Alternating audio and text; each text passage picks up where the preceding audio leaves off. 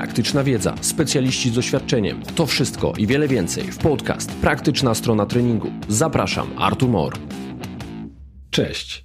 Dzisiaj ze mną, po drugiej stronie mikrofonu, a właściwie przy drugim mikrofonie, trener przygotowania motorycznego związany z reprezentacją Chin w tenisie stołowym, judo i siatkówce. I teraz chyba wszystko jest jasne, kto ze mną siedzi.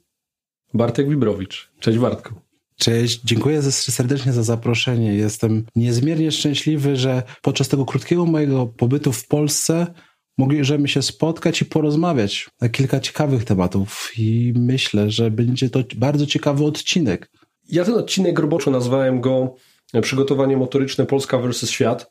No i sobie tak pomyślałem, no z kim tu by lepiej, z kim można porozmawiać e, lepiej, aniżeli nie z tobą no bo masz doświadczenie międzynarodowe. Wiesz, jak to się robi gdzie indziej, wiesz, jak to wygląda gdzie indziej z autopsji. I dzisiaj będę Cię ciągnął za język, ażebyś jak najwięcej informacji przekazał nie tylko mnie, aczkolwiek jestem trochę samolubem w tych rozmowach i wyciągam informacje, które ja chciałbym wiedzieć od moich rozmówców, ale też całemu światu przygotowania motorycznego w Polsce, żeby dostali te informacje z pierwszej ręki. Co Ty na to? Ja jestem gotowy, ale myślę, że nie zawężajmy się tylko i wyłącznie do świata przygotowania motorycznego. Myślę, że ten odcinek może być też bardzo dobrze posłużyć jako pewnego rodzaju mapa dla fizjoterapeutów, dla trenerów personalnych pracujących z zawodnikami amatorskimi czy zawodowcami, żeby zobaczyli, że nasze podwórko to jest tylko część świata. Żebyśmy mogli zainspirować do działań, stworzyć pewne nawyki, które podniosą nasz sport. Bo moje, moje międzynarodowe doświadczenie nie jest tylko i wyłącznie dla mnie, żebym ja się czuł dowartościowany. Ja mam pewnego rodzaju misję, którą chciałbym przekazać trenerom, żeby pamiętali, że to, że jeśli pracujemy z kimkolwiek, niesie za sobą pewnego rodzaju misję i musi spowodować, żeby drugi człowiek mógł poczuć się lepiej, mógł osiągnąć swoje marzenia lub zrealizować jakieś plany. Dobra, Bartku. To, co powiedziałeś, brzmi bardzo górnolotnie. Gdybym usłyszał to na początku, w ogóle to mnie zdziwiło tak samo, jak teraz usłyszałem, jak to, co mi powiedziałeś przed tą rozmową 15 minut temu, ja mam wrażenie, że ty jesteś naprawdę facetem z misją. Rozmawiając z tobą już y, kilka chwil, czy telefonicznie, czy, czy teraz przed tą rozmową, utwierdza się w tym przekonaniu. Zobaczymy, jak to dalej będzie w tej rozmowie. Natomiast zacznijmy od przyziemnej rzeczy. Rzeczy, która interesuje pewnie niejednego trenera przygotowania motorycznego w Polsce. Jak to się dzieje, że trener z Polski ląduje w Chinach i pracuje tam z reprezentacją właściwie kilku dyscyplin sportowych. Jak taka kariera się toczy? Jakiś czas temu zastanawiałem się, jak ja to zrobiłem, że jestem w tym miejscu, w którym jestem. Ale moja kariera to jest w miarę zaplanowany proces. Zaplanowany proces, gdyż zawsze wiedziałem, że chciałbym się sprawdzać z najlepszymi, chciałbym pracować z najlepszymi, chciałbym zobaczyć najlepsze systemy pracy, poznać ich zalety, poznać ich wady, zobaczyć, jakie rzeczy chciałbym robić, jakie rzeczy nie chciałbym robić, jakie rzeczy chciałbym, żeby inni trenerzy robili, jakie błędy popełniają. I to, gdzie jestem teraz, tak jak powiedziałem, to było w pewnej formie zaplanowane.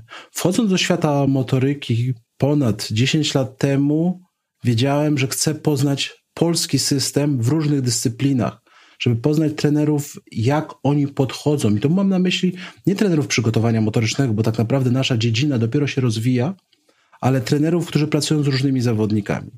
Więc. Trenerów głównych. Tak, tak, bo, bo, bo oni są w większości elementów kołem napędowym sukcesu. I to musimy przyznać.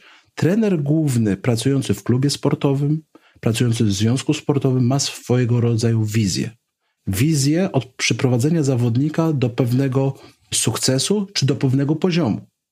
Więc my, jako trenerzy przygotowania motorycznego, jesteśmy jego wsparciem, czasami narzędziami, czasami wrzodem na dupie, czasami tym hamulcem bezpieczeństwa, a czasami też przyjaciółmi. Więc odnalezienie się w tym systemie wartości trenera głównego pozwala i dla mnie było taką inspiracją, jak chciałbym potoczyć swoją karierę, jakie rzeczy chciałbym zobaczyć i jakie po pewnym czasie chciałbym zmienić.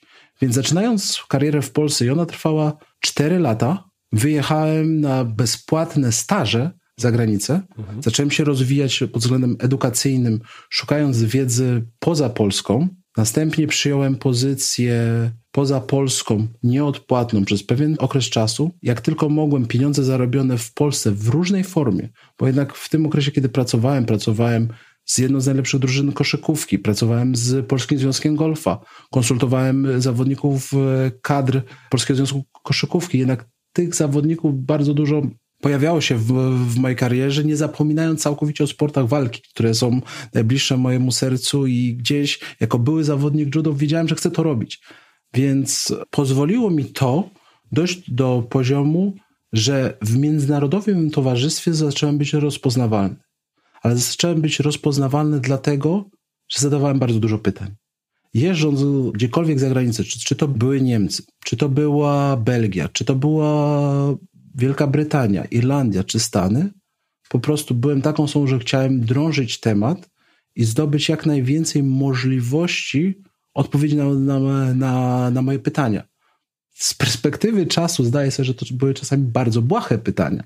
I teraz, jak ktoś mnie o to pyta, przypominam sobie, czy to jest młodszy kolega, przypominam siebie w tamtym czasie i staram się odpowiedzieć jak najlepiej potrafię. Bo to ciebie zmieniło.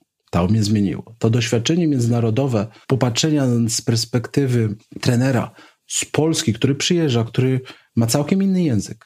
Mamy całkiem inne doświadczenia zawodnicze. Jesteśmy też jako kraj, pochodzimy e, jako kraj troszeczkę inaczej, w innym, żeby nie zabrzmieć, w innym tempie rozwijamy się niż kraje Zachodu, nie tylko ze względu na historię, ale także na ustrój polityczny, i pewne rzeczy związane z zarządzaniem, którego też się uczymy, myślę, że to pozwoliło mi zobaczyć szerszą perspektywę sportu i miejsca w sporcie osób, które mają pewnego rodzaju profesję. Miałeś kompleksy Myśl... zawodowe? Świetne pytanie.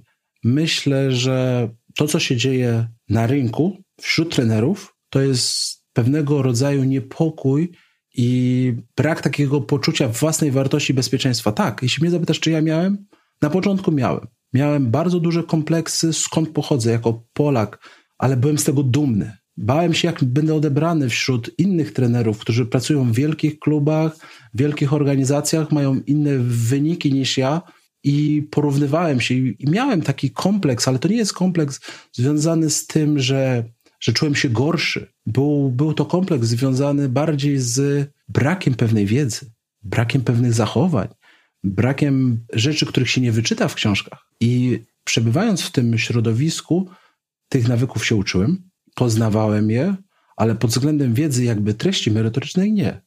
Bardziej ta komunikacja, zachowanie, czytanie ruchu trenerów, czytanie ruchu zawodników, czytanie nastrojów zawodników na początku było dla mnie czarną magią i to nie, nie mówmy sobie wprost. Trenerzy chcą zawsze, żebyśmy jak najlepiej zawodnicy ćwiczyli, najlepiej wykonywali ćwiczenia.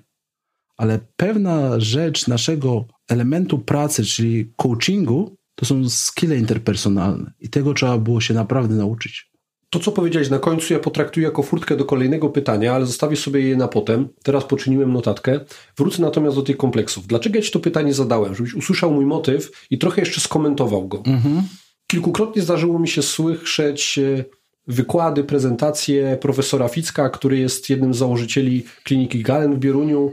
Facet ma niesamowity dar mówienia. Jego się dobrze słucha. Ja z jego wykładów zapamiętuję zawsze jedną rzecz, bo on ją zawsze powtarza, mianowicie, żebyśmy my jako polscy specjaliści, praktycy zawodowi jakiejkolwiek tam specjalizacji, nie mieli kompleksu względem tego, co się dzieje na świecie, żebyśmy byli pewni swoich umiejętności, żebyśmy nie podchodzili z takim kompleksem, że jak coś jest zagraniczne jest lepsze, jak ktoś jest z zagranicy jest na pewno lepszy.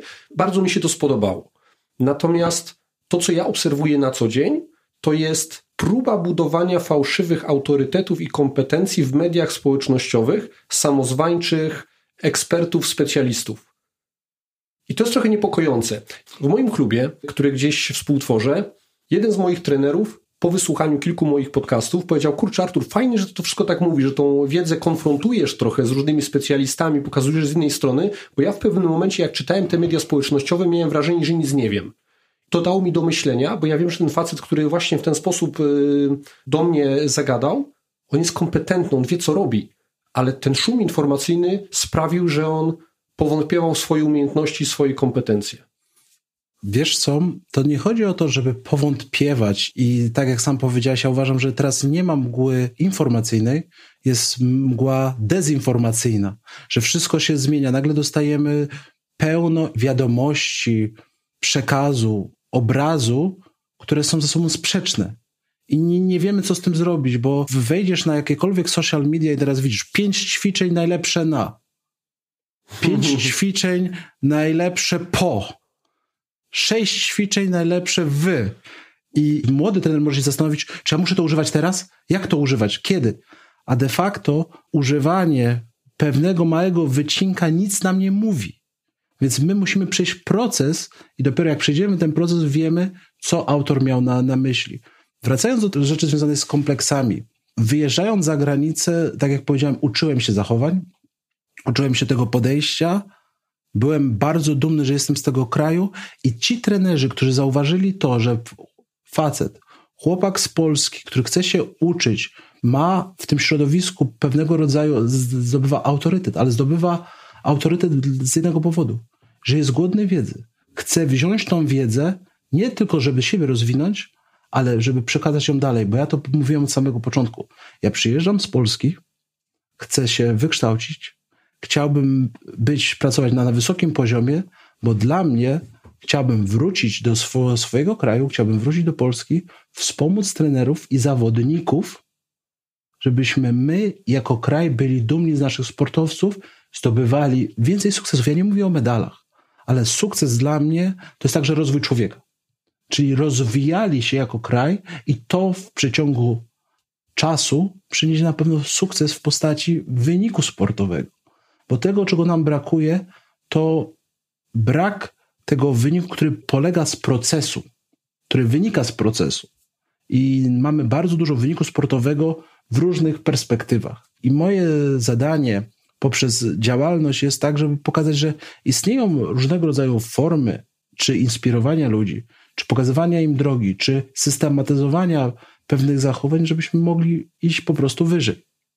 Ja znowu powiem facet z misją, tak? Drugi raz, e, bo faktycznie ciągle w taki sposób nawiązujesz do tego, co robisz. Ja się z tego tytułu bardzo cieszę. To chyba nie jest właśnie przypadek, że pełnisz rolę prezesa Polskiego Stowarzyszenia Treningu Motorycznego, ale to się wiąże z taką odpowiedzialnością za to przygotowanie motoryczne. Wiesz, że teraz ono przeżywa rozkwit i teraz sukces bądź porażka po części jest twoja. Przygotowanie motoryczne naprawdę w Polsce to nowoczesne. Przygotowanie rozpoczęło się 2016, przepraszam, 2006-2009 za sprawą dużych działań AWF-u w Katowicach, który szukał różnych form edukacji studentów, organizacji konferencji.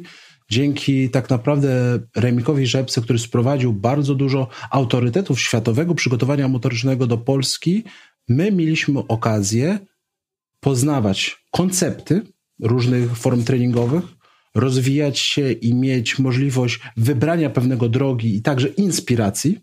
Więc tutaj to trzeba jakby wrócić jeszcze do, do czasów, kiedy to nowoczesna forma e, zaczęła się pojawiać. Ale dlaczego mówię nowoczesna? Bo, coraz więcej elementów zachodnich zaczęło się pojawiać w tym przygotowaniu motorycznym, ale nie wolno zapominać o elementach które my jako Polska mamy, ekspertów, których posiadaliśmy, którzy de facto ukształtowali wiele, można powiedzieć, trenerów, zawodników, trendów, jak choćby Jerzy Wielkoszański, który jest dla mnie jednym z takich mhm. osób, której też się wzorowałem, którą czytałem, bo jego cała paleta umiejętności jest wyjątkowa. Był lekarzem, był trenerem, był fizjoterapeutą. On rozumiał wiele potrzeb, z którymi de facto my się zmagamy w dzisiejszych czasach. Ja ci powiedziałem to przed rozmową, e, czyli moje spotkanie z Jerzym Wielkoszyńskim, jakkolwiek by to nie zostało nazwane, bo się nie poznaliśmy nigdy osobiście, ale poznałem go pośrednio poprzez wiedzę, którą zostawił no w tej chwili już naszym wspólnym podopiecznym. Jeden z jego podopiecznych pacjentów, który lata wstecz zerwał sobie zadło krzyżowe przednie i który był zaopatrzony przez niego zarówno jako lekarza, jak i potem fizjoterapeutę, trenera, no bo też taką funkcję e, w tym przypadku pełnił, potrafił powiedzieć mi, jako podopieczny dokładnie te informacje, które ja mówię swoim podopiecznym. Czyli wiedza, którą ja teraz sprzedaję, której ja się dowiedziałem teraz, ona była obecna już lata, lata, lata wstecz i ludzie ją praktykowali. Ale było ich mniej.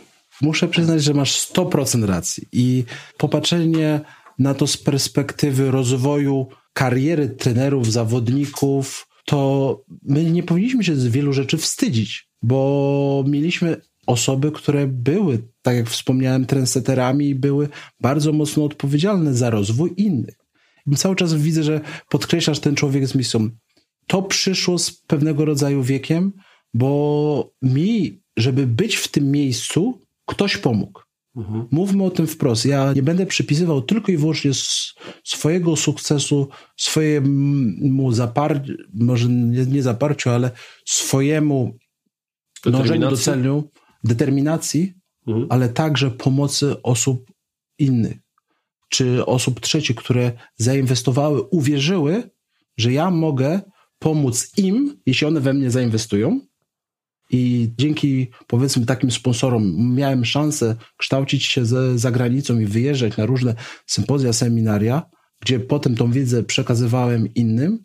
I to mnie zainspirowało do tego, że skoro ja mam takie możliwości, a takich osób, które wyjechały za granicę w tej wąskiej grupie nie ma za dużo, no to trzeba coś z tym zrobić.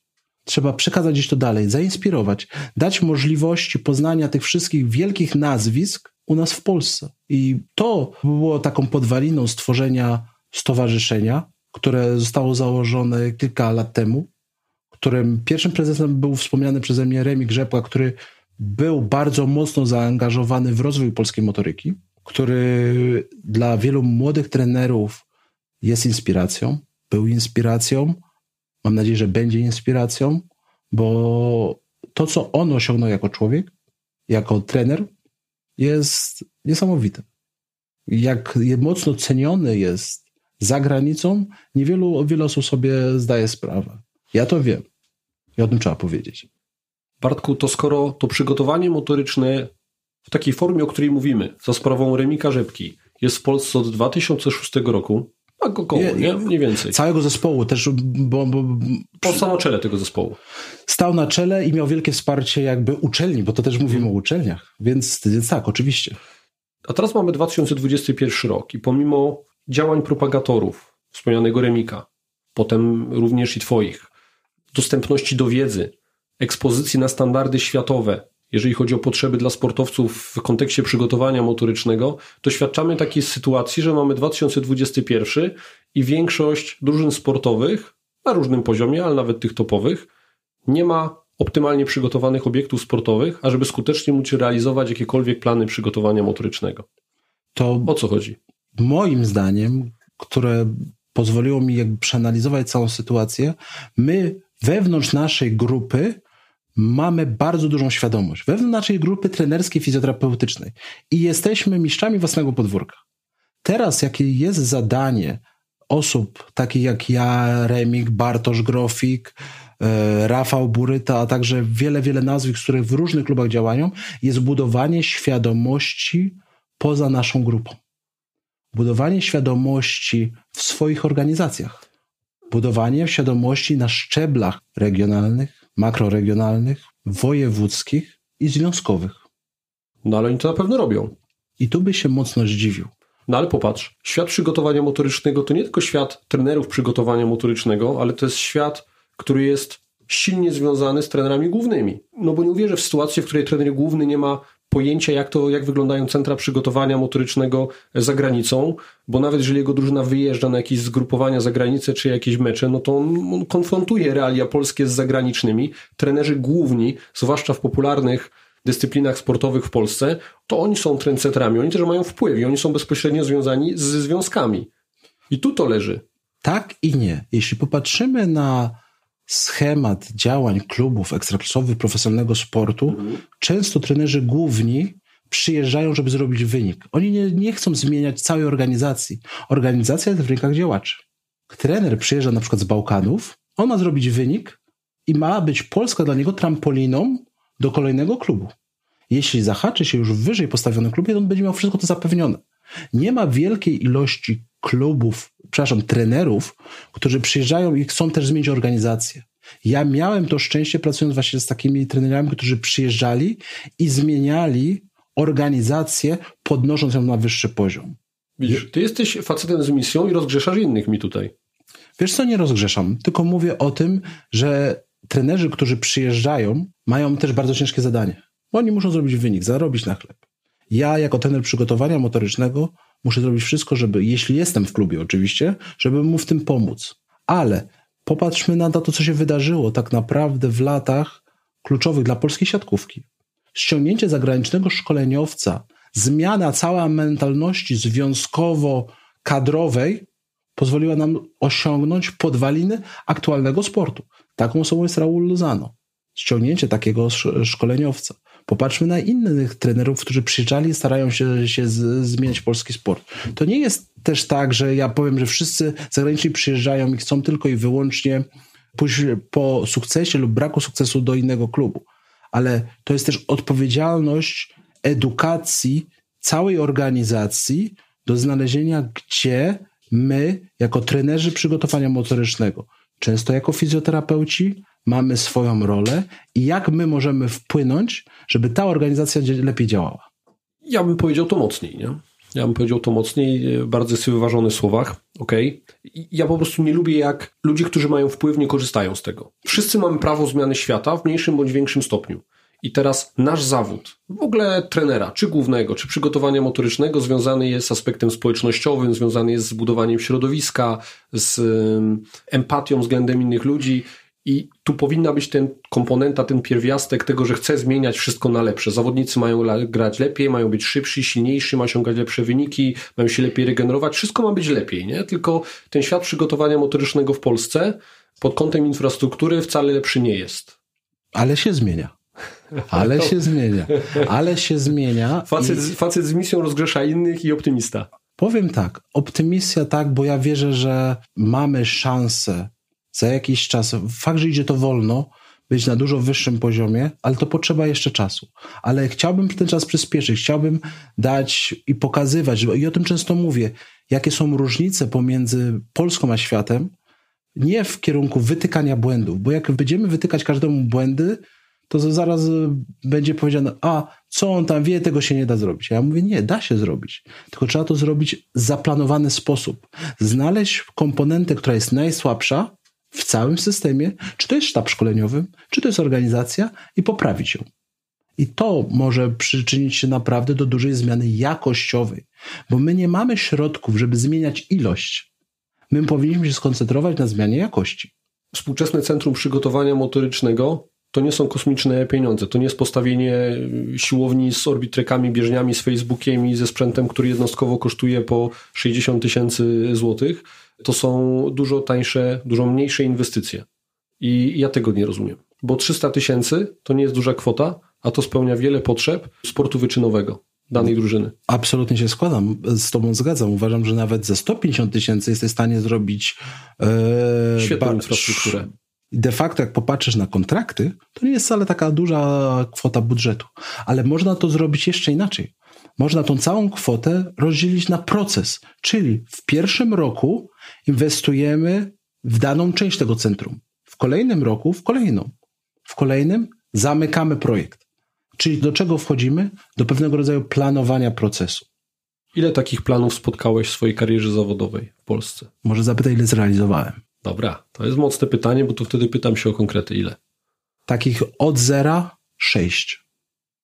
to jest sukces. Jak na jedną osobę to jest sukces. No wiesz, do Chin ściągnięto mnie po to, żeby otworzyć pierwsze prywatne centrum przygotowania motorycznego pod prywatną firmą, która miała dawać zawodnikom kadr narodowych jak najlepszy system pracy i jak najlepsze wsparcie. Sprawdziło się? Aktualnie ta firma ma takich centrów pięć a pierwsze od zera, gdybym pokazał kartki, jak rysowaliśmy, jakbyśmy chcieli ustawić, jak zaadaptować jeszcze kulturę chińską do całego procesu, to naprawdę było to wyzwanie. Dlatego też zgodziłem się jakby na, na projekt, bo ja nie trafiłem bezpośrednio do Komitetu Olimpijskiego czy do drużyn, z którymi pracowałem. Ja trafiłem do Chin poprzez polecenie jednego z dużych autorytetów światowych jako osoba, słuchajcie, mamy takiego człowieka, który może wam pomóc stworzyć nowoczesny system, nowoczesne wyposażenie centrum sportowego, pomóc poukładać pewne rzeczy, a przede wszystkim z dobrym człowiekiem, bo to, do tego się sprowadza. Więc jak wyjeżdżałem do Chin, to to był szok, ale jak dostałem w ręce możliwości, jakby budżet i te wszystkie elementy, i poznałem, dla kogo jest to centrum, no to to poszło bardzo łatwo. I przez to, że zawodnicy zaczęli przyjeżdżać do tego centrum, pojawiło się coraz więcej kadr, de facto dostałem lepszą propozycję. Dostałem propozycję wsparcia jednej z kadr narodowych. I tak już poszło indywidualnie. Zacząłem pracować już z kadrami narodowymi, gdzie de facto czuję się najlepiej. Największy uśmiech w czasie tej rozmowy. Słuchacze może tego nie widzą, ale ja to widzę. Ja nie będę tego ukrywał. Ja jestem typowym team playerem. Mhm. Ja mam elementy takiego lidera i mam bardzo ciężki charakter czasami w relacjach, dlatego że lubię stawiać na swoim, mhm. ale jeśli chodzi o zespołowość, to, to, to jest jedna z mocniejszych cech. Sam doskonale wiesz, są trenerzy pracujący bardzo dobrze indywidualnie. Są trenerzy pracujący jeden na jeden, czujący się świetnie w środowisku, że zawodnik przychodzi do nich, mają wykonać jednostkę treningową, zawodnik wychodzi. Dla mnie zabawa zaczyna się, kiedy zawodnik wstaje, przychodzi na trening, jest monitorowany i to jest, ten zawodnik jest jednym z elementów całej układanki drużyny. I jego dyspozycja może zaważyć na całym procesie. Do tego dochodzą wszystkie te elementy, nie tylko związane ze snem, z regeneracją, ale z relacjami. To, co się dzieje w życiu prywatnym. Kto jest pierwszą osobą, która o takich rzeczach wie? Trener główny. Nie. Pierwszą osobą z mojego doświadczenia jeśli coś się dzieje nie tak, jest fizjoterapeuta i trener przygotowania motorycznego. Ja wyskoczyłem z tym trenerem głównym, bo to jest bezpośrednie nawiązanie do tego, co powiedziałeś wcześniej, bo tym o tym aspekcie coachingu, o tym aspekcie mentalnym, budowania relacji zacząłeś nawiązywać wcześniej, ja sobie tą notatkę poczyniłem i to jest moment, w którym e, teraz zadaję tobie to pytanie. Czy tym coachem, ale takim coachem mentalnym, takim pierwszą linią wsparcia ma być trener przygotowania motorycznego, wspomniany wcześniej fizjoterapeuta, czy trener główny? Bo teraz to, co ty powiedziałeś, jest trochę w opozycji do tego, co ja słyszałem od innych rozmówców, czyli że to ten trener główny często jest powiernikiem. I teraz rozwinięcie mojego pytania. Czy jest to indywidualna sprawa, czy jest to raczej kwestia tego, że trenerzy przygotowania motorycznego są w tym lepsi z, Twoich obserwacji, czy może jakieś inne jeszcze są pobudki? Mm, myślę, że to jest ba sprawa bardzo indywidualna ze względu na drużynę zawodnika, ale jeśli popatrzymy rozkładowo na czas spędzania z zawodnikami, to trenerzy przygotowania motorycznego i fizjoterapeuci spędzają najwięcej czasu z zawodnikami. Mają najwięcej czasu pomiędzy zaplanowaną jednostką do rozmów, Są dyskusji. Są czasami powiernikami. Czasami wystarczy, że będą osoby, które wysłuchają. I teraz jako trener przygotowania motorycznego, czy jako fizjoterapeuta, bo nie zapominajmy o tym, bo fizjoterapeuci mają też świetne możliwości wsparcia trenera głównego w, właśnie w tym procesie. I czasami lekkie sugestie, nie wychodzące poza jakby ramy zbudowanego zaufania, mogą mocno wspomóc trenera głównego w podjęciu najlepszej decyzji w danej okresie czasu. Czy to mecz, czy to jednostka, czy może stwierdzenie, czy ten zawodnik jest gotowy. My nie chcemy osłabiać zawodników. My chcemy dawać im optimum, żeby oni w optymalnym stanie mogli rywalizować. I to jest nasze zadanie. To, co powiedzieć w tym czasie, czyli że trener przygotowania motorycznego i fizjoterapeuta spędza najwięcej czasu z tymi zawodnikami, to stoi na tej samej linii z czymś, co ja mówiłem wielu we wcześniejszych odcinkach i miałem taki postulat wobec wszystkich, bardziej może takich trenerów pracujących indywidualnie, czy nawet y, trenerów personalnych. Jest niewiele zawodów, w których jesteśmy w stanie obcować z kimś jeden na jeden, przynajmniej te trzy razy w tygodniu, mówię nawet o takich trenerach personalnych Dokładnie, siłowni, tak. przez cały miesiąc. To jest 12 godzin, gdzie jasne, z kimś trenujesz, ale ten ktoś do ciebie mówi. Przez część tej godziny do ciebie mówi, regularnie się z tobą spotyka i ty masz wpływ na jego życie. Twoje uwagi, twoje wskazówki, nie tylko zawodowe, ale również lifestyle'owe, będą miały impakt na to, jakim on jest człowiekiem, i to powinno obligować wszystkich do bacznej uwagi na to, co mówią, i w kontekście swojej profesji, w kontekście jakichś porad życiowych. Zgadzam się są w 100%. I za słowem trener przygotowania motorycznego idzie inne słowo odpowiedzialność. Odpowiedzialność za pewnego rodzaju czyny i słowa. odpowiedzialność za zdrowie i karierę zawodników, odpowiedzialność za stan umysłu, w którym w danej chwili się znajdują. Więc dlatego chciałbym, żeby trenerzy przygotowania motorycznego mieli tego świadomość, że nie tylko techniczny, merytoryczny aspekt jest ważny, nie to, jakie szkolenia będziemy robić, nie to, jakie ćwiczenia znamy, nie to, jak dobrze potrafimy pewne rzeczy opisać, ale to, jak będziemy mogli się komunikować w danym czasie, na dany temat i wyciągnąć, które słowa są najlepsze lub które zachowania są najlepsze, żeby utrzymać pewnego rodzaju optimum. To, czym powiedziałeś, w mojej głowie od razu budzi nawiązania do coacha, który pretenduje być psychologiem. Ja tu uważam, że wchodzimy na grząski grunt i w którym momencie trzeba sobie powiedzieć stop i odpuścić. Czyli kiedy twoje rady, zdania, opiniowanie, wszystko, co ma wpływ na tego zawodnika, zaczyna być przegięciem i zaczynasz bawić się w psychologa, którym nie jesteś. Gdzie jest ta granica i jak sobie wtedy powiedzieć skutecznie stop? I czy może kiedyś stanąłeś przed takim obowiązkiem względem siebie, że powiedziałeś Bartek stop? Oczywiście, że tak. Żeby podkreślić, my jako trenerzy mamy pewnego rodzaju kompetencje do zrealizowania. Aspekt pedagogiczny jest też bardzo ważny w tym wszystkim, ale my nigdy nie zastąpimy psychologa, psychoterapeuty, psychologa sportowego, żeby wchodzić do głowy zawodnika i starać się znaleźć klub problemu. Jeśli taki specjalista jest potrzebny, jestem pierwszą osobą, która powie: Musisz chyba z kimś porozmawiać, musisz chyba pójść w, troszeczkę w innym kierunku niż to, co robimy. Ale znowu muszę powiedzieć, że w mentalności, z moich doświadczeń, podając przykład Chin, tam nie ma psychologów. Ja nie spotkałem podczas czterech lat kariery bardzo mocnego wsparcia psychologów. Dlaczego? Bo to trenerzy główni są w większości psychologiem ze względu na autorytet. I to też jest całkiem inna perspektywa patrzenia na przykład na azjatycki sport. I to też mi dało pewnego rodzaju informacje. Jaką informację ja powinienem udzielić trenerowi głównemu, żeby on jak najbardziej zoptymalizował trening. Więc to, gdzie ja mogłem wspierać moich zawodników, to było przede wszystkim percepcja zmęczenia, mhm. percepcja bólu, percepcja wymęczenia, percepcja snu. I tak to są tylko i wyłącznie wskazówki. Skoro powiedziałeś, że trenerzy główni w Chinach niejako stają się tymi psychologami dla zespołu, no bo mają największy autorytet, to czy przypadkiem oni nie powinni mieć wyższych kompetencji jako psychologowie, czy przypadkiem oni też nie przekraczają tych kompetencji, a powiem inaczej, czy obserwujesz, że to ma negatywny impact, czy raczej jest neutralne, a może jest w jakiś sposób pozytywne? To, że tego psychologa tam nie ma i to się wszystko rozbija o tego trenera głównego. Bardzo ciężkie pytanie, bo każdy zespół jest inny. No bo to jest coś, co stoi trochę okoniem do tego, co się dzieje na przykład w Europie, czyli rola psychologa w drużynie sportowego zaczyna być coraz bardziej akcentowana, że ta obecność jest potrzebna, że to ma jakąś wartość, a ty teraz po czterech latach doświadczenia w Chinach mówisz, że tamten model w ogóle się o to nie opiera, nie spotykasz tego, czyli mamy dwa modele. Nie powiedziałem, że się nie opiera, ale ja tego nie spotkałem. To jest, to jest kluczowa rzecz.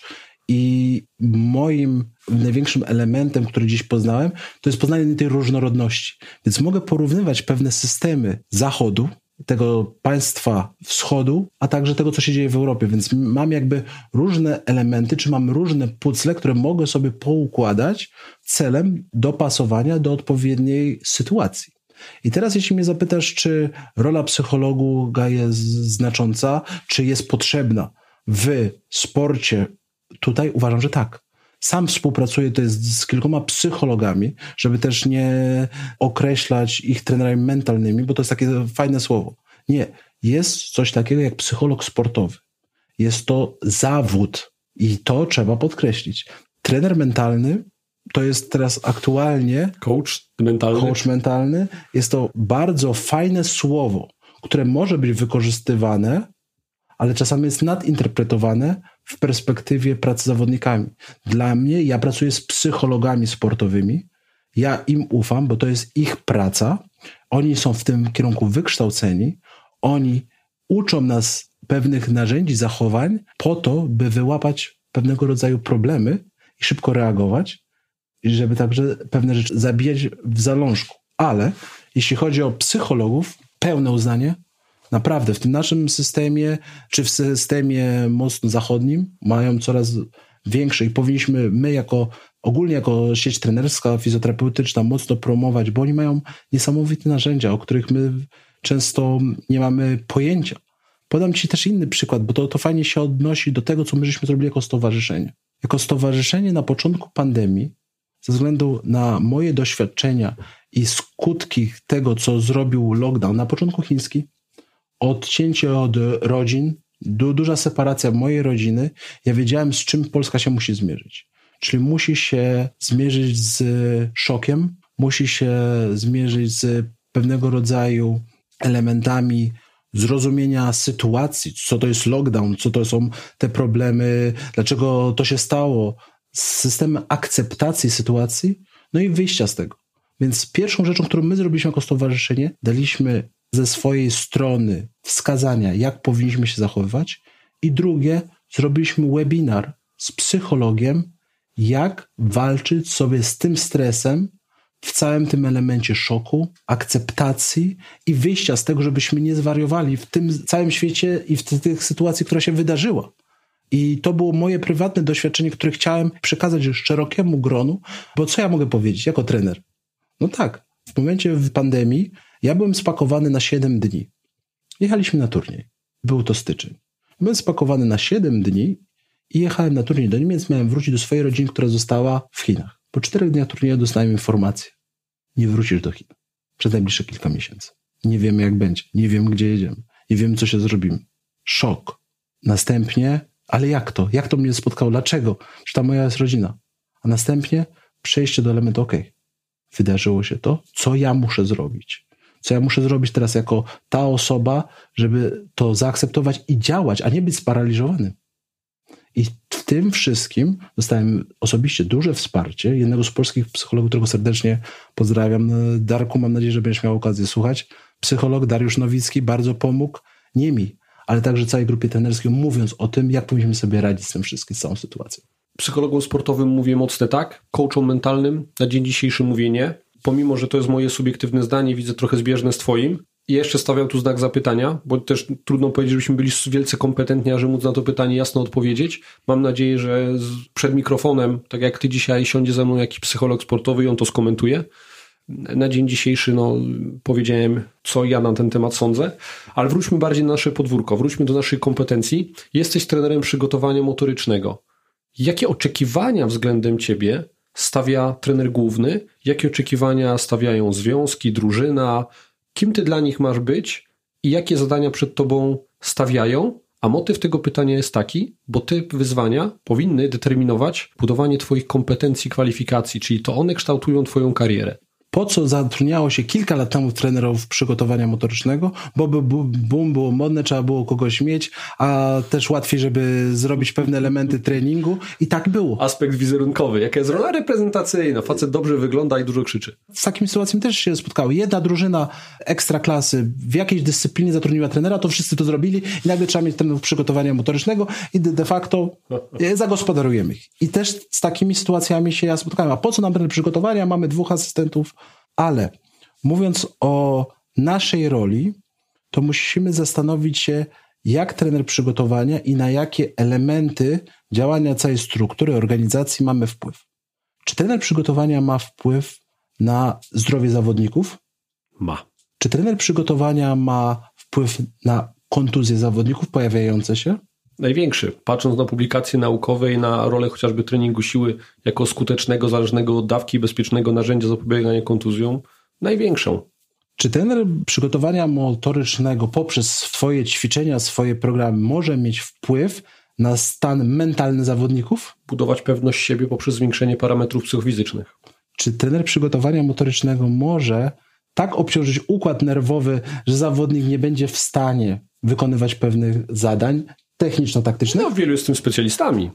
Dokładnie, więc czy trener przygotowania motorycznego może pomóc klubom w aspekcie optymalizacji treningu? Mam tu na myśli regenerację, zaplanowania tego procesu wraz z fizjoterapeutą, bo nie zapominajmy o tym, że często my tak mówimy, trenerzy przygotowania planują regenerację. Nie, ja jeśli mam możliwość, planuję to z fizjoterapeutą, bo fizjoterapeuci mają niesamowite umiejętności i widzą te rzeczy inaczej. Od strony też ćwiczeń, tkanki, pracy na tkankach, a także zmian fizjologicznych w organizmie, Więc jakby to zawsze podkreślam. Dobry klub to dwie dobre role. Fizjoterapeuta współpracując z trenerem przygotowania motorycznego. Więc wracając do pytania, czy trener przygotowania motorycznego jest ważną postacią, czy postaci w, w klubie, uważam, że bardzo ważną. Przedstawiłeś swoją wizję, ja ją w pełni podzielam, bo ona jest słuszna, zasadna i wiemy, że tak jest, nie ma co z tym dyskutować. Ale moje pytanie było inne. Czego oczekuje od ciebie trener główny? Związki, zawodnicy. To, to ubierzmy to. Czy oni mówią, Bartek, oni mają być silni, szybcy, zmaksymalizuj ich wynik sportowy. Czy może mówią, słuchaj, yy, chcę, żeby mieli mniej kontuzji. Albo mówią te dwie rzeczy. Za prosto. Za proste pytania. Z mojego doświadczenia wynika to tak, że trenerzy mówią, Bartek, będziemy grali takim i takim stylem. Mamy taką i taką charakterystykę zawodników. Ci zawodnicy mieli taką i takie problemy w przeszłości. Co możemy zrobić, żeby wykorzystać ich jak najlepiej do tego, co ja chcę zrobić z nimi na boisku? To jest moje doświadczenie, które miałem przez kilka lat. Teraz, w obecnej sytuacji, pytanie jest, po co mi potrzeba? Monitoring, Bartek. Nie zmienisz treningu dyscypliny, w której jesteś, nie zmienisz ilości treningu tenisa stołowego. W jaki sposób możesz zoptymalizować przy tej ilości treningu, że ciało jest w stanie to wytrzymać? Więc to są dwa aspekty, z którymi ja się spotkałem. Często, gęsto jest też inna sytuacja. Trenerzy mówią, dobra, ja mam swój system, on działa, potrzebuję ciebie, żebyś mi tylko pomógł zrobić rozgrzewkę. Są takie sytuacje, o tym trzeba powiedzieć. Dlatego zadaniem jest, gdzie my możemy umiejętnie wesprzeć tego trenera, żeby nie budować i nie niszczyć jego autorytetu wśród innych trenerów czy zawodników, tylko jak jesteśmy w stanie mu w prosty sposób pokazać, że jesteśmy profesjonalistami i możemy wesprzeć, rozumiejąc jego potrzeby. I tego, o czym się nie mówi, czego się nie da nauczyć gdzieś na kursach szkolnych, to jest to, jak umiejętnie komunikować się właśnie z tymi trenerami.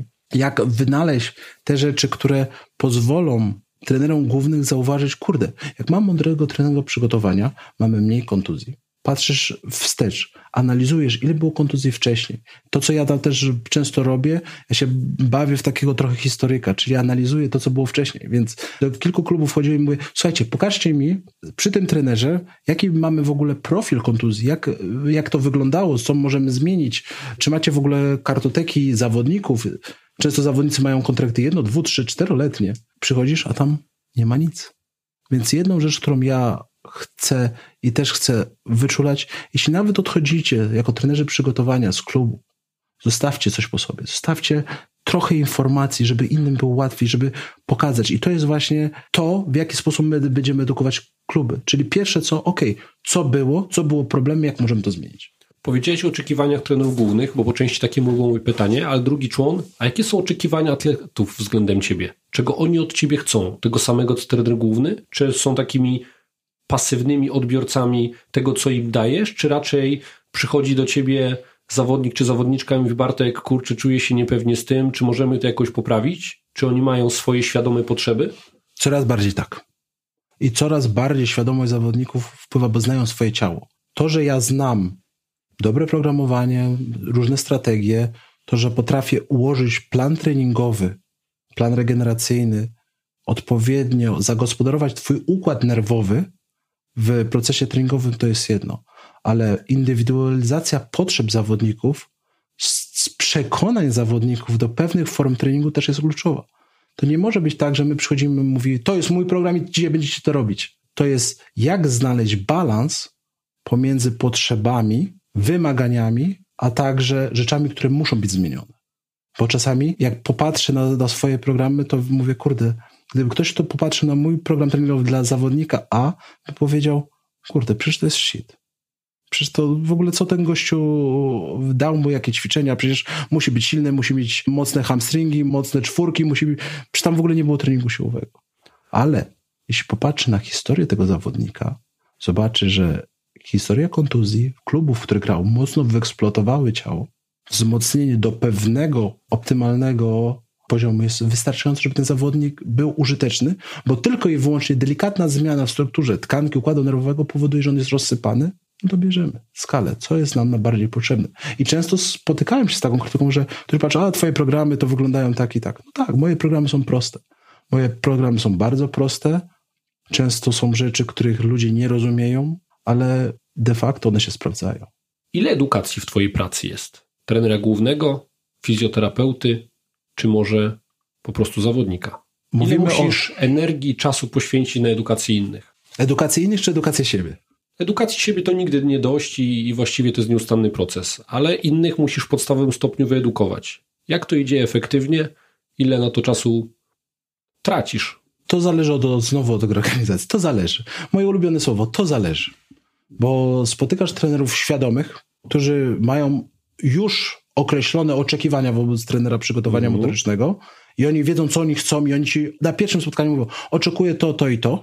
Są trenerzy, którzy cię badają, jak mocno możesz być po ich stronie, jak mocno możesz im zaszkodzić, jak mocno nie jesteście kompatybilni w zespole, ale dalej uważam, że jak możemy go wykorzystać, zależy też od tego, czy wcześniej ten miał i jakie doświadczenia z trenerami przygotowania motorycznego.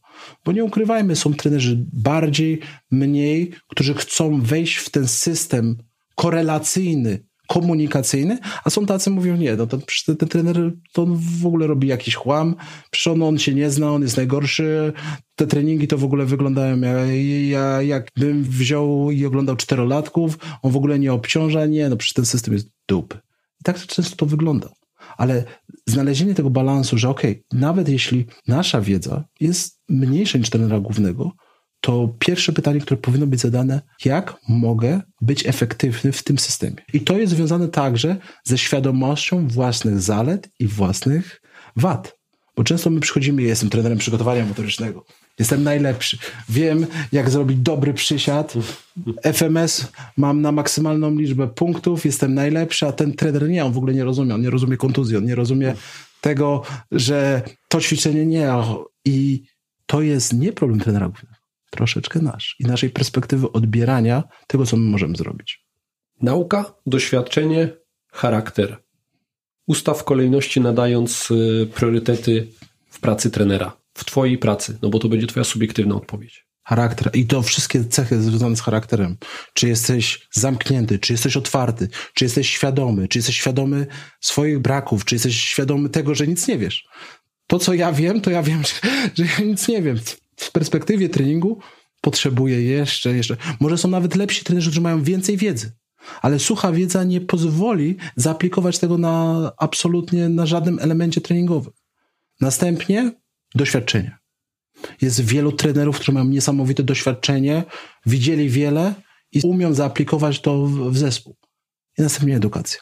Ale te wszystkie trzy elementy, one się ze sobą łączą i one są jak kulki, że w momencie jak się kręcą, to wychodzą elementy, które bardziej potrzebujesz w danej sytuacji. Więc nie chciałbym mówić, że okej, okay, że charakter, ale ten charakter znowu będzie związany z wiedzą, z pewnością siebie. Więc to musi być wszystko w miarę zbalansowane. Ile w Twojej pracy jest sprzętu, technologii, nowinek technologicznych, a ile jest Twojego czucia, przekonania, które bazuje na doświadczeniu koniec końców? Nie wiem, czy pamiętasz, jak powiedziałem, jak często osoby mnie nazywają coach Bart, coach Bartech. Jeśli chodzi o technologię, to używam bardzo dużo technologii, inwestuję bardzo dużo w technologię po to, żeby monitorować sprawę swojej przekonania. I wielokrotnie złapałem się Ufaj na... przekonaniom, ale kontroluj technologię. Ale kontroluj siebie, tak. Technologia użyta mądrze jest naprawdę świetnym narzędziem. Czasami pracujesz bez technologii. Obiektywizacja parametrów, prostego monitoringu, przy pomocy kartki papieru i długopisa jest czasami wystarczająca. Pracowałem na przykład w prowincjonalnym zespole judo, w którym siłownia wyglądała tak, że, że to był barak. Mieliśmy kilka sztang zardzewiałych, bo była na otwartym powietrzu. Ta drużyna miała bardzo wiele kontuzji, ale mieli świetnych zawodników, bo względem treningowym byli na najwyższym poziomie w Chinach. Dlaczego? Bo w tej drużynie był pierwszy medalista męski Igrzysk Olimpijskich w judo, czyli absolutny top. Zostałem zaproszony tam, żeby zoptymalizować trening i zoptymalizować jakby ilość kontuzji, bo było tak, że zawodnicy 2-3 lata, kontuzja, 2-3 lata, kontuzja. No i co zrobiliśmy, co zmieniliśmy? Przy pomocy kartki papieru nauczyłem tych trenerów patrzenia na jednostki, względem objętości, względem obciążenia i czasu. I prostym elementem okazało się, że po dwóch latach ta drużyna prowincji wprowadziła nie jednego zawodnika na wysokim poziomie, a czterech, którzy aktualnie biją się o igrzyska. Kartka i papier. I to jest miara sukcesu. Dla mnie tak. Dla mnie miara sukcesu, bo przebić się do kadry narodowej Chin z prowincji jest to sukces. Dla mnie największym sukcesem jest to, że potrafiłeś wyedukować. Pokazać formę. Jak można zrobić coś inaczej? Nawiążę do mojego podwórka. Moja praca, moja edukacja w pewnym zakresie to głównie związane jest z injury risk management, szeroko rozumianym. Szerokie bardzo zagadnienie jest, co robić do końca życia, a nawet i trzy życia można przeżyć i się połowy tego, co trzeba, się nie doczyta. Im dłużej siedzę w temacie i próbuję czytać, zgłębiać temat, widzę, że ważniejszy od monitoringu jest komponent edukacji. Jak dobrze poedukujesz, to mniej musisz monitorować. Jak do kitu przekazujesz informacje, to może monitorować wszystko i to nie zadziała, bo będziesz ciągle w rozsypce z monitoringiem. To są moje, moje akcenty. Im więcej czytam, im więcej pracuję, tym widzę, że edukacja pierwsza, monitoring drugi. Nie da się monitorować nieświadomego atlety. A co byśmy powiedzieli, gdybyśmy powiedzieli, że to, że to są rzeczy kompatybilne? Jedno nie może egzystować na wysokim poziomie bez drugiego. Ja bardziej to powiedziałem w pewnym specyficznym kontekście. Monitoring to jest bardzo poczytne, popularne słowo w tej chwili się zrobiło. Mhm. I teraz y, coś, co jest posz, często nam zaburza spojrzenie na realia. A cały czas u podstaw tych reali naszej pracy jest edukacja. To od niej powinniśmy zaczynać. To przede wszystkim powinniśmy mówić o komunikacji, o doborze odpowiednich słów, a nie o komplikowaniu pewnych rzeczy. I ja uważam, że tu jest największy problem. Powiedziałeś o sukcesie z tą drużyną judo, która miała stosunkowo małe zaplecze infrastrukturalne, która miała borykała się z problemami, a ty wziąłeś kartkę długopis i poczyniłeś szereg prostych, edukacyjnych, fundamentalnych działań, które przyniosły spektakularne efekty. To jest robota związana z prawdziwą edukacją w świecie przygotowania motorycznego. Weź kartkę papieru i zrób zmiany dzięki tym dwóm narzędziom. Dokładnie, bo co miałem im pokazywać? Platformę tensometryczną miałem wziąć... Przyczepić e, siedem czujników. Przy, przy, przy, przyczepić siedem czujników i nikt by tego nie zrozumiał. Więc znalezienie platformy, na której chcesz jakby operować względem przekazania wiedzy jest kluczowe.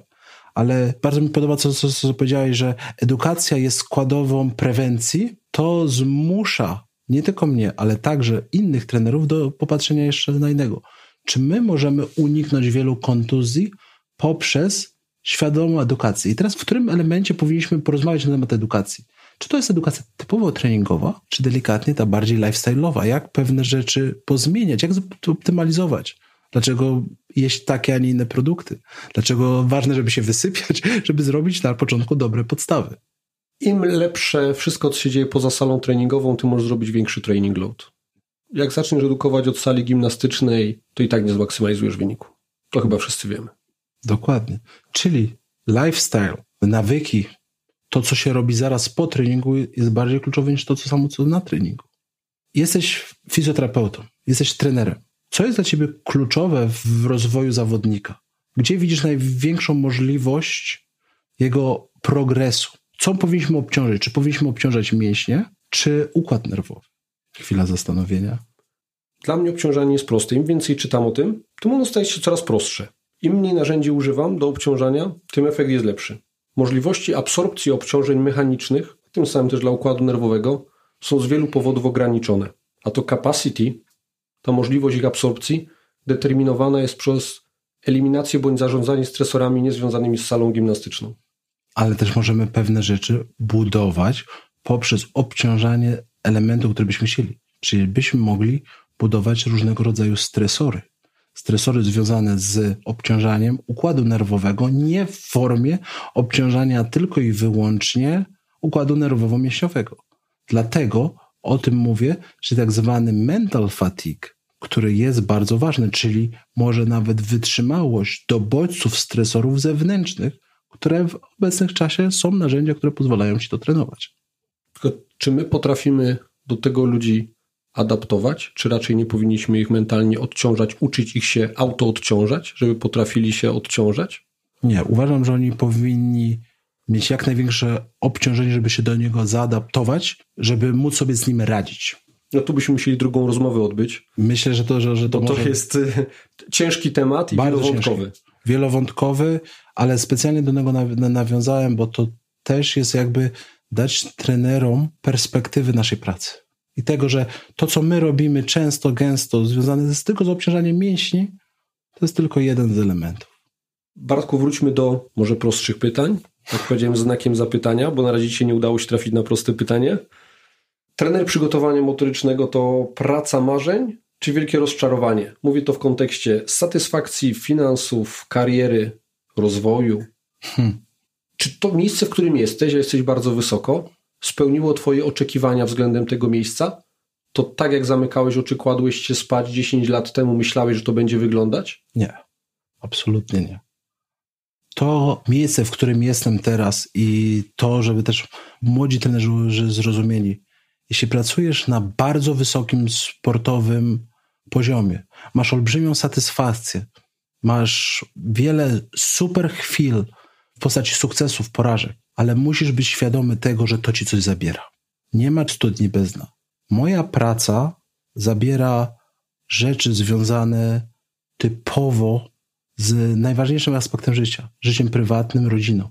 Więc gdy popatrzymy na pracę trenerów w najwyższych jednostkach, często, gęsto dzieją się rzeczy tragiczne. Obecna sytuacja, mimo że spełniam marzenia, zabrało mi 9 miesięcy bycia z własną rodziną. 9 miesięcy niewidzenia syna. To jest, nie dotyczy tylko trenerów. To dotyczy także zawodników. Sport bywa brutalny. Sport nie wybacza. Sport zabiera. Nie tylko zabiera zdrowie, zabiera chwilę. Kiedy myślałem jako trener, kim jest trener przygotowania medycznego, chciałbyś mieć ten balans, chciałbyś, żeby to wszystko było, ale na pewnym momencie się nie da. I jestem teraz na etapie jakby szukania tego balansu z powrotem. Wiem, co chcę zrobić, wiem, gdzie mam cele zawodowe i także wiem, gdzie chciałbym, żeby były rodzinne elementy, które trzeba czasami albo poprawić, albo jeszcze bardziej dopieścić, bo w sporcie nie ma nic za darmo. Wszedłbyś drugi raz do tej samej rzeki? Tak, wszedłbym. Wszedłbym, ale na innych zasadach. Jeśli bym wiedział, ile to może kosztować, pewnie kilka elementów bym zmienił. Nie postawiłbym tak mocno na siebie, ale bym to inaczej wybalansował. Dlatego moja pozycja powinna być przykładem, jak pewne rzeczy nie robić. I o tym trzeba powiedzieć. W pracy trenera masz porażki. I to nie są tylko zawodowe, sportowe porażki. Masz wiele rzeczy, które rozczarowują. I masz rzeczy, które bolą. Masz wiele rzeczy, których ranisz innych. Musisz zdać sobie sprawę, że jeśli chcesz pracować na pewnym poziomie, musisz coś poświęcić. I to praca na najwyższym poziomie także dotyczy zawodników, tych wszystkich trenerów, więc dodatkowe elementy stresu się pojawiają. Czy będziesz pytał, czy będę zmieniał? Ja wiem, co chcę zrobić w perspektywie swojej kariery. Moja kariera jest bardzo mocno teraz zaplanowana. I elementem mojej kariery jest edukacja innych. Tak jak powiedziałem. Będąc teraz dwa tygodnie w Polsce, widzę, ile elementów ja straciłem przez ostatni czas. I teraz moim zadaniem jest, ile się da uratować, ile da się naprawić, po to, żeby po najważniejszych imprezach na świecie mieć do czego i do kogo wracać. I to też trenerzy muszą wiedzieć. W jednym z poprzednich podcastów podkreśliłem, żeby młodzi uczyli się i poświęcali czas na naukę możliwie najszybciej. To jest trudne, bo nam się nie chce wtedy uczyć jest naprawdę niewiele, niewielki procent osób, według moich obserwacji, które w wieku 19-20 lat chętnie siadają do książek na studiach, poświęcają ten czas z pełną atencją i czerpią tam pełnymi garściami. Potem pojawia się wiek 30 lat, kiedy ta kariera mocno zaczyna się rozwijać i próbują to nadgonić. I to im zabiera czas, kiedy powinni poświęcać czas na rodzinę i na pracę, a oni łatają dziury z podstaw. W przypadku mojej, bo trochę teraz sobie taką spowiedź zrobiliśmy, w przypadku mojej kariery to było coś, co ja bym najbardziej zmienił. Zgadzam się z tym całkowicie. Czyli tą edukację z podstaw zrobił bardzo mocną sobie jak najwcześniej. Jeżeli teraz młodzi ludzie tego słuchają i mają 20 lat. Bartku, ile ty masz lat? Teraz 33, skończone. Jestem trochę starszy, dwa lata, no ale w wieku 20 lat inaczej myślałem. O, absolutnie. Jak zaczynałem karierę, to ja wiedziałem, że co oni wiedzą, co ci starsi, teraz trzeba iść do przodu, założyć klapki na oczy i dzida i że nie ma tego po co. Szedłeś i jak najwięcej chciałeś czerpać garściami. W pewnym momencie myślałeś, że pozjadałeś wszystkie rozumy. Dochodzisz do pewnego momentu, że spotykasz się ze ścianą i nagle mówisz, o, o, chyba to nie tak. Chyba muszę zrobić coś innego. Chyba to zależy. Więc jeśli, tak jak powiedziałeś, słuchają nas młodzi trenerzy, fizjoterapeuci, miejcie ten czas, żeby wybierać mądrze swoją edukację jak najwcześniej, w pewnym poziomie standaryzacji. Teraz jest im łatwiej. ASCA jest, są amerykańskie organizacje, jest tego, jest czym wybierać. To jest dobra jakościowo wiedza. Jeśli chodzi o system edukacji, bo to jest całkowicie os osobny temat y, dla trenerów, do czego my dążymy, żeby ustandaryzować kierunek podstaw dla trenerów, czyli żeby wiedzieć, co to jest ABC, i potem kierować ich do osób bardziej doświadczonych. To jest jakby nasze zadanie. Dlaczego w Polsce tak mocno współpracujemy z ASCOM, czyli z Australian Strength Conditioning Association? Dlatego, że oni mają ponad 30 lat doświadczenia w edukacji, mają podzielone to na poziomy i ich system bardzo fajnie może odzwierciedlić system, jak ja, a także osoby związane z edukacją, przygotowaniem motorycznym, widzielibyśmy, że to jest pewien poziom. Jeśli jesteś na tym poziomie wiedzy i doświadczenia, o tym nie zapominajmy, doświadczenia, to jest kierunek, w którym powinieneś pracować. W Polsce trochę ta piramida się odwróciła. Zwykle jest tak, że jeśli jesteśmy młodym trenerami, to szukamy pracy. Gdzie trafiamy? Do kadr narodowych. Więc osoby, które wchodzą dopiero, zaczynają jeździ, jeździć, powiedzmy, nazywając zawodników w federację samochodami wyścigowymi, a oni jeszcze dobrze nie opanowali prawo jazdy. Więc to, co ja chciałbym zmienić, chciałbym, żeby do sportu zawodowego trafiali ci osoby najbardziej doświadczone, a nie osoby, które się uczą. Bo to jest tylko i wyłącznie szkoda dla tego, nad czym pracujemy. Co jeszcze byś zmienił? Zmieniasz system edukacji, a właściwie go standaryzujesz. Jesteś takim trendseterem systemu edukacji. Super. Ja, ja już byłem na tej asce, którą organizowaliście we Wrocławiu teraz ostatnio. I pomimo, że pod kątem merytorycznym, no z uwagi też na swoje lata, tak, i, i swoje doświadczenie wiedzę zdobytą wcześniej, nie dowiedziałem się wiele. Natomiast rzecz, która jest spektakularnie fajna, to jest właśnie podejście do edukacji, czyli standaryzacja tej wiedzy, dostęp do tej wiedzy, poukładanie jej i próba prowadzenia, jak w tej wiedzy się poruszać. To jest wow. Wiesz, kiedy ja podjąłem decyzję, na to szkolenie jadę?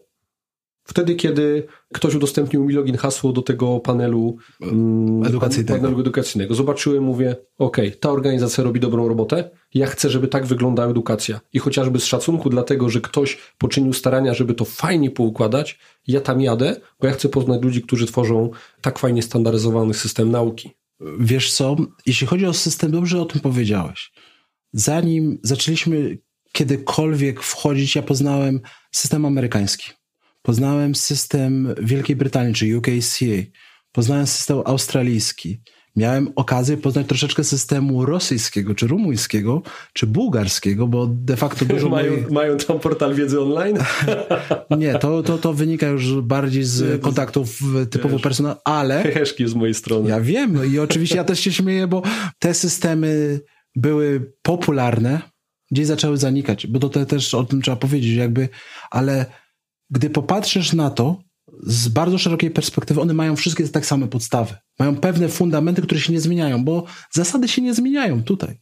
Ważne, żeby ludzie mieli je ustandaryzowane, mieli dopasowane i następnie na tą bazę, która jest totalną ABC, budowali siebie. Więc to, na czym mi zależy w polskiej edukacji, to nie, żeby zmieniać trenerów, którzy mają teraz 10-15 lat doświadczenia żeby ustandaryzować na pokolenia edukację, że nowe osoby wchodzące wiedzą, co powinny zrobić, żeby do pewnego poziomu dojść. Co do edukacji, a obecnie jest wiele form. Czasami się przekrzykujemy, co jest ważniejsze, co jest ten. Chciałbym, żeby polska rama kwalifikacji w, o standardach trenera przygotowana motorycznego była fundamentem i jak z klocków Lego osoby, które mają doświadczenie, edukowały dalej. Ja się zgadzam. To tworzy w ogóle koncepcję treningu, może nie treningu, edukacji scentralizowanej, nierozproszonej. Czyli do tej pory to, co było w kontekście przygotowania motorycznego w Polsce, miało formę edukacji rozproszonej. Było wiele jakichś podmiotów, które na własną rękę, w własnej uznaniowej formie edukowało. Wprowadzenie na polski rynek chociażby konceptu Australian Strength Conditioning Association jest próbą centralizacji tej edukacji, czemu ja chylę czoła i ja pochwalam, bo to podnosi standard w szerszej perspektywie na większą skalę. Tak, żeby też nasi słuchacze zrozumieli. To nie jest, że my wprowadzamy Australian String Conditioning na polski rynek w celu robienia australijskiej federacji. Nie. Za tym jest drugiego rodzaju dno. I ja chciałbym, żeby też nasi słuchacze zrozumieli. Australian Strength Conditioning Association od trzech lat wspiera nasz rozwój i wspiera nas w pisaniu kwalifikacji na Polskę. Udostępniło nam swój system, i także system kwalifikacji na każdym z levelów po to, żeby dwa systemy, które są stworzone, były kompatybilne. To znaczy, jaki jest mój cel? Jeśli w polskiej ramie kwalifikacji będzie ten przygotowania motorycznego posiadający ten poziom, on może zaaplikować do ASKI i odwrotnie uzyskać kwalifikacje międzynarodowe, otwierające mu furtkę do pracy na całym świecie. Jeśli tego nie potrzebuje, wystarczy, że ma ramę kwalifikacji polską. Jeśli to ma, to już jest w pewien sposób rozpoznawalny i ja będę pierwszą osobą, która będzie mówiła, kształć się dalej. Ale jeśli się kształcisz dalej, wybierz mądrze. Jakie masz plany na swoją przyszłość? Powiedziałeś, że twoja kariera jest zaplanowana. Uchylisz rąbka tajemnicy? Tak, i myślę, że o tym trzeba mówić bardzo, bardzo otwarcie. Bo planowanie kariery jest czymś, czy na czymś powinni wzorować inni, albo popełniać te same błędy, albo nie popełniać, decydować, czy chcą je popełnić. Powiedziałeś o wyrzeczeniach, ale ktoś wiedząc o tym, że to go może spotkać, że twoja kariera tak wyglądała, może to zaplanować. Okej, okay, to muszę to uwzględnić na mojej linii czasu. No tak, bo kariera to jest kilka składowych. To nie jest tylko twój rozwój, gdzie pracujesz, ile zarabiasz i gdzie jesteś, ale jest także jest twoja rodzina. Więc musisz być świadomy tego, że wybierając karierę międzynarodową, możesz być pozbawiony częstego kontaktu z najbliższymi. Ja jestem od prawie czterech lat w Chinach, z tego czasu ze względu na różne perypetie.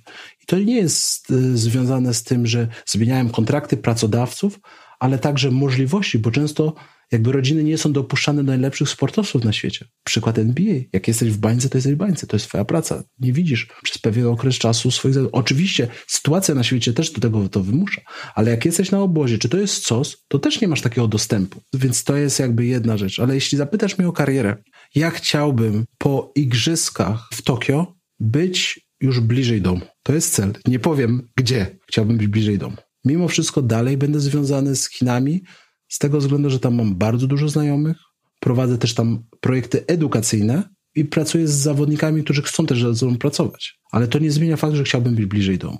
Kolejnym jakby elementem mojej kariery chciałbym, żeby ta wiedza dziś przyczyniła się do podniesienia wyniku Polski. Nie jakiejś dyscypliny Polski. Czyli zauważenie, że my jako trenerzy przygotowania motorycznego mamy znaczący wpływ, możemy być partnerami do rozwoju, możemy być partnerami do planowania i wsparcia. Jeśli ten ruch w przeciągu najbliższych lat przyczyni się do tego, że z tego całego systemu, jaki mamy w Polsce, centralnego, olimpijskiego, nasi zawodnicy będą bardziej zauważani na świecie, to będzie sukces. Ja sobie nie przepiszę, że to będzie mój sukces, to będzie całej organizacji sukces i tego, że potrafiliśmy rozmawiać. Uważam, że patrząc na igrzyska w Paryżu, my o tych igrzyskach powinniśmy myśleć już kilka lat temu, bo to są najbliżej nas.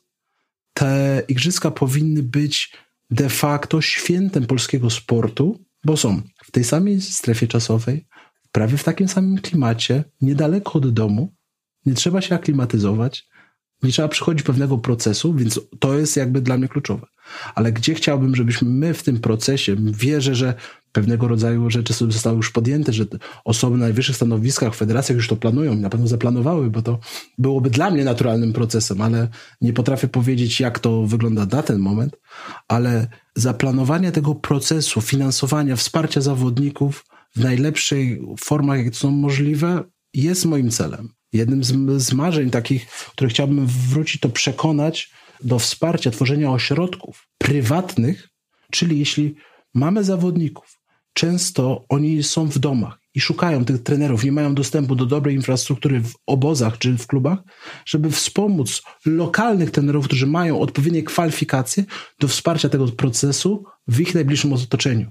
Czyli pomóc zawodników doszukiwać wykształconych, kompetentnych osób, które mogą włączyć się w ten proces, w tym miejscu, gdzie zamieszkują. Teraz taką refleksję miałem, jak wysłuchałem Ciebie i tego, co powiedziałeś. Roboczo ten odcinek e, zatytułowałem Przygotowanie motoryczne Polska versus Świat i tak sobie myślę, że po części dzięki Twoim działaniu i całej organizacji Polskiego Stowarzyszenia Treningu Motorycznego mamy ten świat na wyciągnięcie ręki. No i tak sobie myślę, że mam nadzieję, że tego nie spieprzymy. Wiesz co, nie chciałbym, żebyśmy tego spieprzyli, ale czasami to jest równia pochyła. Wiele decyzji zmienia się. Ja ale... wiem, że trenerzy motoryczni tego nie zrobią, bo ja to środowisko poznaję, ja widzę, jacy oni są, oni, oni będą chcieli się równać, właściwie przegonić te standardy światowe i będą chcieli być trendsetterami, ale są jeszcze związki. I naszym zadaniem jest pomóc związku zrozumieć istotę naszej pracy. Popatrzmy jeszcze na to, co jest robione na różnym poziomie. Czy to są wyniki dobre? Standaryzacja naszej pracy w Polskim Związku Koszykówki Ja widzę bardzo duży trend w ostatnich latach podniesienia jakby standaryzacji. Te wyniki zaczynają się pojawiać. Ale ile lat minęło? Dwa, trzy lata, więc to jest wprowadzanie tego systemu. Polski Związek Siatkówki, SMS-y, cała struktura. Bartek Grofik wykonał olbrzymią tam robotę związaną z pracą z młodzieżą. Znajduje odpowiednie osoby pracujące do kadry młodzieżowej. Piłka ręczna. Jakbyś popatrzył na tych trenerów, którzy tam pracują, to są osoby, które jednoczą się raz do roku na konferencjach naszych i my staramy się gdzieś to zmieniać. Chciałbym, żeby trenerzy byli bardzo indywidualni, żeby byli swojego rodzaju liderami w swoich ośrodkach. A my jako stowarzyszenie będziemy ich wspierać, będą potrzebowali pomocy, zawsze jesteśmy na to otwarci. Z kilkoma trenerami przygotowania motorycznego na różnym poziomie już porozmawiałem, kilku poznałem. Teraz dopełnieniem tego mojego całego obrazu, tego polskiego rynku jest rozmowa z Tobą. I ja widzę tak, że, że są ludzie z misją, trenerzy przygotowania motorycznego z misją Patrz Ty, mówię to po raz kolejny w tej rozmowie, są tacy, którzy starają się być rzemieślnikami dobrymi. Oni po prostu chcą pracować nad tą fizycznością i tam mierzyć i, i ważyć swoje rezultaty. Są tacy, którzy jak ty czują się lepiej w pracy z grupą, są tacy, którzy lepiej się czują w pracy indywidualnej. Ja tak sobie myślę, że to też jest decyzja, którą sobie trzeba jak najszybciej podjąć i w niej się specjalizować, bo dla każdego jest miejsce. Dla każdego jest miejsce, więc to jest wspaniałe. Więc to nie chodzi o to, żeby zwalczać i mówić, że ten trener jest taki, bo to znowu w naszym środowisku, tak jak wspomniałeś, są różne trendy lub różne specjalizacje czy specjalności. Więc trzeba sobie szybko odpowiedzieć, gdzie chcielibyśmy być jako trenerzy zauważalni. Jeśli chcielibyśmy pracować z młodzieżą, pracujmy z młodzieżą. Jeśli czujesz, że twój poziom to jest poziom klubowy, rób wszystko, żeby dążyć do tego poziomu klubowego. Jeśli czujesz, że twój poziom to jest praca na tym, żeby być dumny, słyszeć największe jakby gloryfikacje, zdobywać medal na największych imprezach, słyszeć hymn narodowy, stojąc na podium i to, co też chciałem powiedzieć, wspierając zawodników, każdy trener powinien zaaplikować koncepcję 180 stopni. Nie wiem, czy kiedykolwiek słyszałeś o koncepcji 180 stopni. Wywracanie wszystkiego do góry nogami? Nie. To jest to, jak jesteśmy zawodnikami, jak ich wspieramy. Czyli na treningu ja jestem zawodnikiem w twarzą w twarz. I robię wszystko, żeby on zrozumiał, czego od niego oczekuję. Kiedy zawodnik jest na turnieju, jestem 90 stopni, wspieram go, mówię mu do ucha, co powinien zrobić, żeby go podbić. A kiedy on już wygrywa, jestem za nim. Klaszczę i się cieszę. Sukcesy są wasze czy jego? Zawodników. My tylko staramy się... To jest twoje zdanie czy ich? Dobre pytanie. Zachowam odpowiedź jakby dla, dla siebie. Pamiętaj, o trenerach świadczą sukcesy zawodników. Ale ja nie wykonam za niego pracy. On musi ją wykonać. A ja muszę pokazać drogę. Jesteś doceniany przez zawodników? Trenerzy są doceniani przez zawodników? Nie mówmy o mnie. Uważam, że uczymy się tego. Znowu się uczymy. Cały czas powtarzam, że uczymy, bo jesteśmy na tym etapie. To jest młody zawód.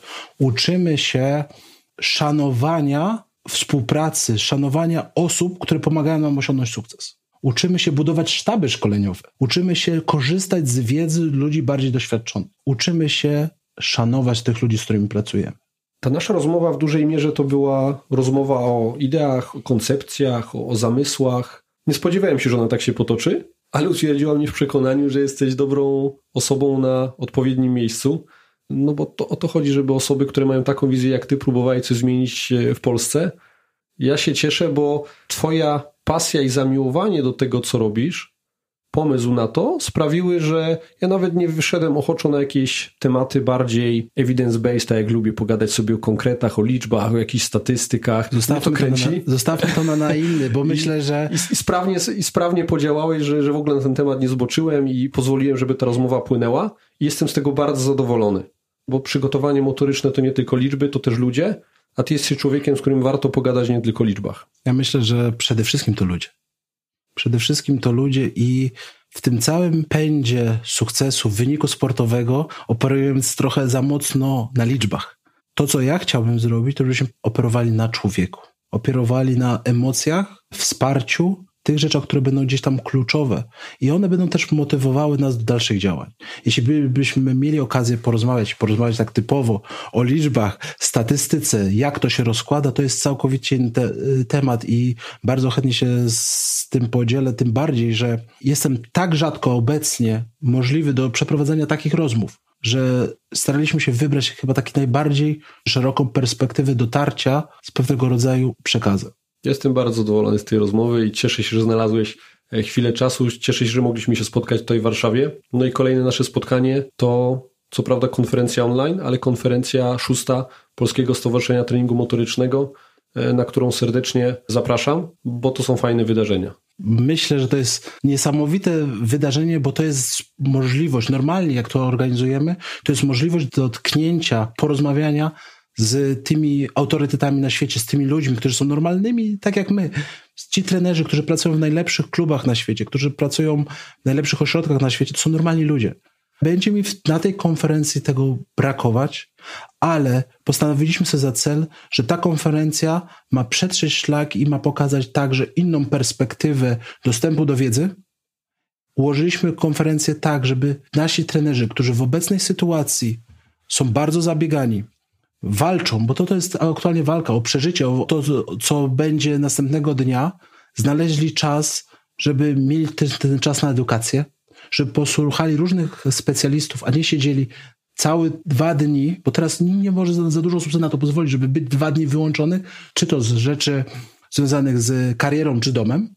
Więc ułożyliśmy tak konferencję, że konferencja nie potrwa. Dwa bite dni i będzie transmitowana, tylko potrwa dwa weekendy. I nasi uczestnicy będą mieli dostęp do materiałów nie raz czy jeden dzień, tylko będą mieli dostępy do materiałów przez siedem dni. Każdego dnia dostaną pięć wykładów po 45 minut, które będą mogli między nawet jazdą do pracy czy gdzieś wysłuchać, odtworzyć. To nie jest dużo. Jeśli rozbijemy 10 wykładów na 7 dni, to jest jeden wykład dziennie. Czyli chcemy dać ten czas, tych 3% dziennie, może 4% na samorozwój, żeby była ta konferencja kolejną inspiracją na kolejny rok, kiedy znowu zrobimy wydarzenie i wszyscy się razem zobaczymy, pogadamy, napijemy się dobrego zimnego piwa. Trzymam kciuki, żeby tak było. Bartku, udanego wieczoru w Warszawie i mam nadzieję do usłyszenia przy kolejnej równie fajnej okazji. Trzymaj ba się. Bardzo dziękuję za, za rozmowę i pozdrawiam Twoich słuchaczy. Bardzo cenię sobie Twój podcast i myślę, że im więcej będzie nie tylko trenerów tutaj, ale także sportowców i ten kierunek, który obrałeś jest niesamowity i może inspirować innych. Nie tylko wąską grupę, ale szeroką grupę odbiorców. Dlatego chciałbym Ci też serdecznie podziękować za ten czas. Obydwaj jakiś mam mały wkład, twój może większy, może mniejszy, e, do tego, co idzie na nasz. polskim rynku. Nasz wkład. Byle nasz był nasz. Barku. Nasz, nasz. Dziękuję. Dzięki, cześć, hej.